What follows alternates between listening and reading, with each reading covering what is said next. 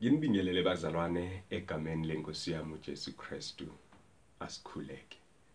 Baba wethu ongcwele, yise wenkosi yethu Jesu, dalo wezulu nomhlaba.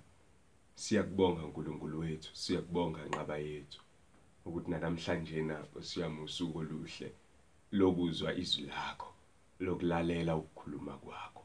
Khuluma kithina Nkosi yami silalele egameni lika Jesu Kristu waseNazaretha. Khuluma izwi inkosi silambele. Khuluma izwi inkosi siyalifuna. Sidinga wena. Siqondise ngikhona.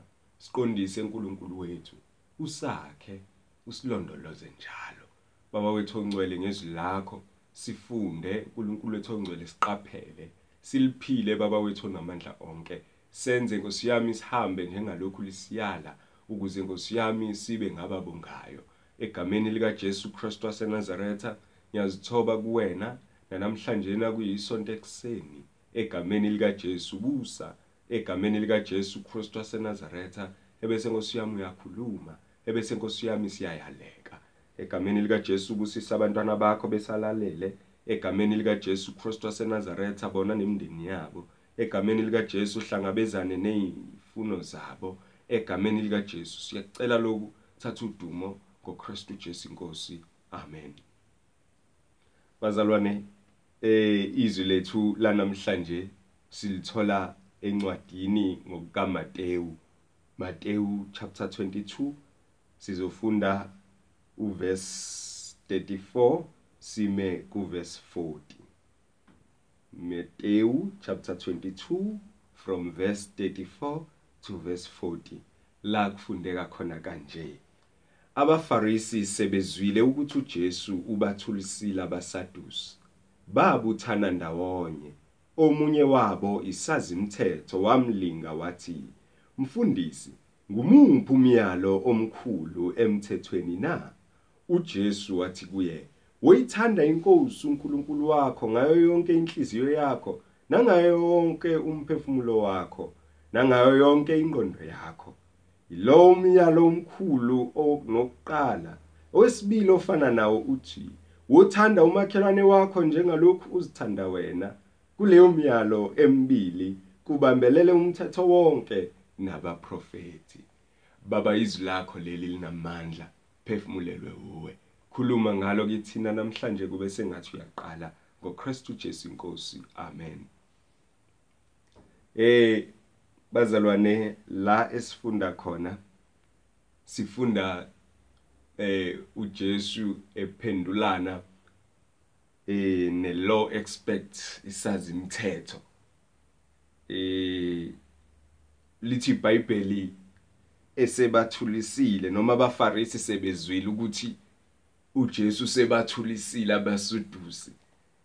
Eh kuvuka ke ukuthi ke babuthana ndawonye ke abafarisi.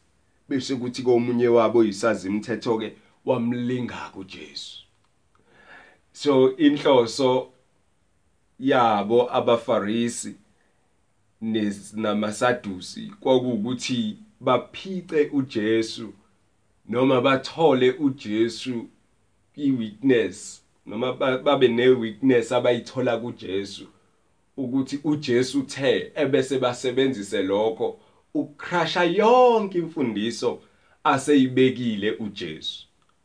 Kodwa manje uJesu ebuntwini nasebuNkulunkulwini bakhe uyabuqonda eh ubula noma into abafuna ukuyenza abafarisi ndawonye nabasedusi so uma befika abasadusi laphezulu kulamavesi angenhla lithi iBhayibheli bayafika bazobuza uJesu mayelana nokuvuka kwesibili.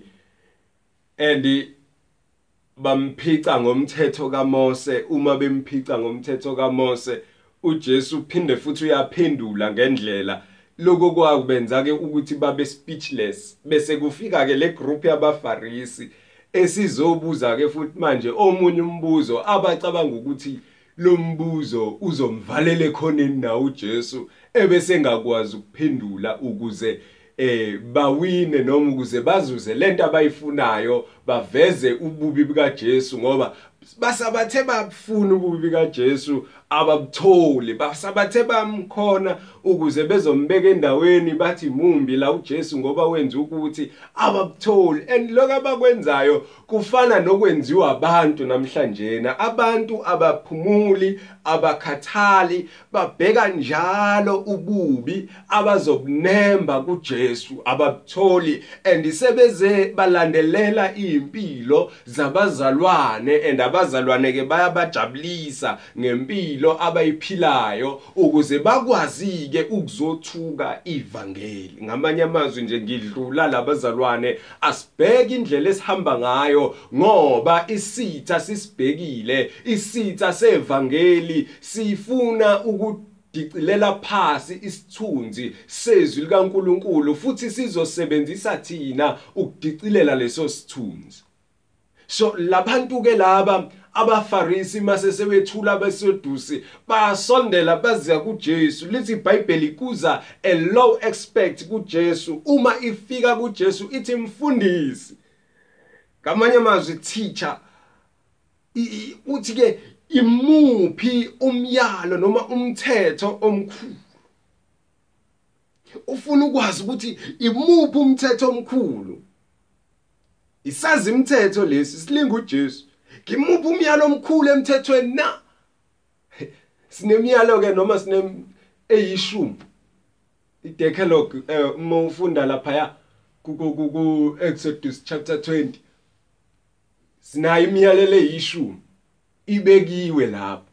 So lona ke uza ngobuhlakanipha ke uthi ke le miyalo eyishumi imuphi omkhulu kunomunye na? Imuphi omkhulu kakhulu na? uJesu ke uyabazi ukuthi bahloseni ngalombuzo uJesu seyilanda yonke lemiyalo eyishumi. uJesu seyilanda yonke lemithetho eyishumi. Uzoyiletha kubona ukuthi yonke yo10 eh mkhulu awukho omkhulu kunomunye. Kodwa izwa indlela aphendula ngayo. Uphendula sengazuthi ukhona athi mkhulu kunomunye kodwa uthi yo10 mkhulu. Ithini kanti impendulo kaJesu uma ngisho kanje? Impendulo kaJesu ithi woyithanda inkosi uNkulunkulu wakho ngayo yonke inhliziyo yakho nangawo wonke umphefumulo wakho nangayo yonke ingqondo yakho. Athi yilowo umyalo omkhulu nokuqala owesibili ofana nawo uthi wothanda umakhelwane wakho njengalokhu uzithanda wena. Uma ebeka uJesu ukuthi umyalo oqala omkhulu uthi wothanda uNkulunkulu woyithanda inkosi uNkulunkulu wakho akasho ukuthi ilowo kuphela omkhulu ophezulu odlula yonke imiyalo. Kodwa uthi owesibili futhi ofana nawo wothanda umakhelwane wakho ufana nawo kanjani? Ngobukhulu nawo. Bayalingana ukwazi ukuthanda uNkulunkulu uzonda umakhelwane wakho.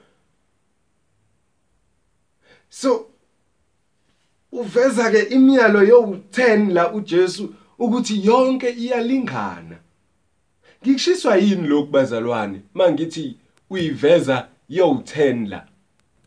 Uma ufunda eh emthethweni eyishumi imiyalo yokuqala uNkulunkulu ayivezayo ikwi relationship ikwi ikhuluma nge relationship between uNkulunkulu nomuntu. And elandelayo ikhuluma ngobudlelwane phakathi komuntu nomuntu.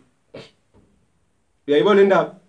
So uma ethi wothanda uNkulunkulu njengalokhu wothanda inkosi uNkulunkulu wakho ngayo yonke inhliziyo yakho nangawo wonke umphefumulo wakho nangayo yonke ingqondo yakho uyazi ukuthi awuzuzenzela izithombe ezibaziweyo uma uyithanda ngempela inkosi yakho. Uma umthanda ngengqondo yakho uNkulunkulu uma umthanda eh with a sober mind awuzukhonza ezinye izithombe awuzukwenza imfanekiso awuzuliphatha ngeze igama likaJehova uNkulunkulu wakho. Uzogcina ini isabatha? Ngobani? Ngoba uyayithanda inkosi uNkulunkulu wakho ngengqondo yakho nangomphefumulo wakho wonke. Kanti futhi methi wothanda umakhelwane wakho njengalokhu uzithanda wena uyazi ukuthi awuzumphatha kabi umakhelwane wakho awuzufisa okukamakhelwane wakho. Awuzufisa impahla kamakhelwane wakho awuzukweba. Awuzukwenza okuba uzubulala. Awuzukweba uzubulala uzuntshontsha uzuphinga awuzoqamba amanga ngobani? Uthanda umakhelwane wakho. Phela kusho njalo bazalwane malithi iBhayibheli wothanda umakhelwane wakho njengalokhu uzithanda wena ungazebela yini wena? Ungazitshontshela yini wena? uJesu uyilanda yonke ke lemithetho lena. Uzoyibeka phambi kwabo uthi nansi wothanda inkosi uNkulunkulu wakho ngayo yonke ingondo yakho nangawo wonke umphefumulo wakho. Wothanda umakhelwane wakho njengalokhu uzithanda wena. Akubathulisi lokho phela izazi zinjalo nje bazalwane. Izazi zinje ziyathanda ukudlala ngamagama. Eh ukuze wena uphiceke ukuze wena eh uzame ukusuka kwistand uthi ukade uneqiniso elimile. Okubheka abameli makunama trials bakhuluma into eyodwa kaningi ukuze uzozama ukushifta amagama ebese bikubamba ngalawo magama owashilo. Why? Ingoba izazi zifuna ukukuphica ukuze ulandele lokhu bona bakuphica ngako. Kanti ke batholane nesazi esikhulu. uJesu igama lakhe owazi konke ngomuntu owazi yonke into ngomuntu ngoba phela inkosi and lo myalo bazalwane ofingqiwe la usabalekile namhlanje noma lo mbuzo abawubuzayo labantu usabuzwa namhlanje na namhlanje ke awusabuzwa izazi kuphela. Namhlanje ke awusabuzwa abantu ngoba befuna ukuphica kuphela. Kodwa nabantu abafuna ukunkonkoshela izono zabo nabantu abafuna ukuphila ezonweni zabo bangasuki basawubuza lo myalo ukuthi muphi umyalo omkhulu emthethweni na? Why? Bafuna ukuphila esonweni. And abantu sebeze bazikhethela ke namhlanje na ukuthi abanye bathi mina ngizothanda uNkulunkulu. Ngimhloniphe uNkulunkulu. Makuyisonto ngizukuphuza utshwala makuyisonto ngizulala namantombazane makuyisonto ngizukwenza ukuthi nokuthi nokuthi. Kodwa mase lidlulile isonto babuyele emanyaleni abo. Why? Baba ba idolize mhlawumbe usuku noma bafuna indlela abazothi bamhlonipha ngayo ubani? uNkulunkulu ngoba bathanda uNkulunkulu abebi ngesonto. Abakhuluma manga ngesonto mangabe kuyenzeka. Abajivazi ngesonto. Abahlebi ngesonto. Kodwa liphela isonto sebenza okunye. Okade bengakwenzi ngayizona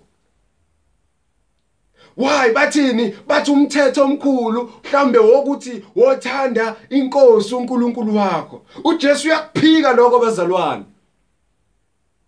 uthi omunye ofana nawo wothanda umakhelwane wakho njengalokhu uyithanda wena.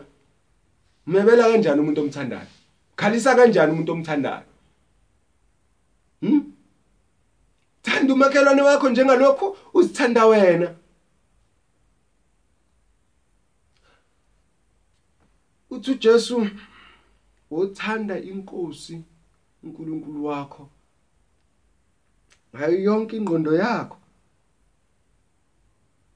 Ngamanye amazwi ngomzimba wakho wonke ophelele. And uma uthanda inkosi uNkulunkulu automatically uzomthanda umakhelwane wakho. Ngoba phela ngeke uthande umakhelwane ubuzonda uNkulunkulu. Futhi awukwazi ukuthanda uNkulunkulu kuphela mawukuthi uthanda uNkulunkulu the one true God. Mawukuthi uthanda yena awukwazi ukuthanda yena ebese uzonda umakhelwane. Lolu thando likabhakela ngisho kumakhelwane ngoba wazi uNkulunkulu. Abanye ke bavele bakhetha ukuthi hayi mina ngizokwenza kahle kumakhelwane. Ngiyabakela abampofu ngiyabanakekela abantu. Ngiyabagibelisa naba abantu baze basho njalo. Bathi hawu nina manje emasontweni? Aniliftani ngisho emotweni zenu.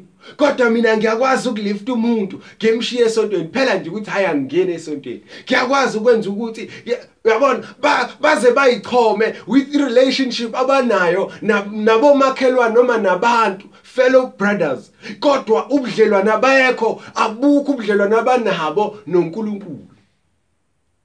Babone kubalekile ukuthanda isidalwa kunokuthanda umdali kanti uthando likaNkuluNkulu lubalekile ukuthi sithande uNkulunkulu siphinde sithande nomakhelwane. Makholo angazi ukuthi ngingayibeka ngayiphi indlela engcono le ndaba kodwa ile. Yokuthi kuze kube namhlanje na awukho umthetho omkhulu kunomunye. Kuphela lo wokuthi wothanda inkosi uNkulunkulu wakho ngayo yonke inhliziyo yakho nangawo wonke umphefumulo wakho nangayo yonke ingqondo yakho. Owesibili ofana nawo uthi wothanda umakhelwane wakho njengalokhu uzithanda wena. Umreformed ke uzobuza. Athi ngakwenza yini lokhu ngokwami? Ebese lithi ke ireformed athi umreformed ovumayo olenzile iclass lecatechism umreformed okholwayo olufunda izwi lakhe athi cha ngokwami ngingekwenze lokhu. Ngoba ngemvelo yami ngingumoni. Ngiyamzonda uNkulunkulu. Ngemvelo yami nje ngiyamzonda umakhelwane wami. Angikwazi ukumthanda kodwa uNkulunkulu uyasipha ukumthanda ngomoya wakhe ongcwele ohlala kithi.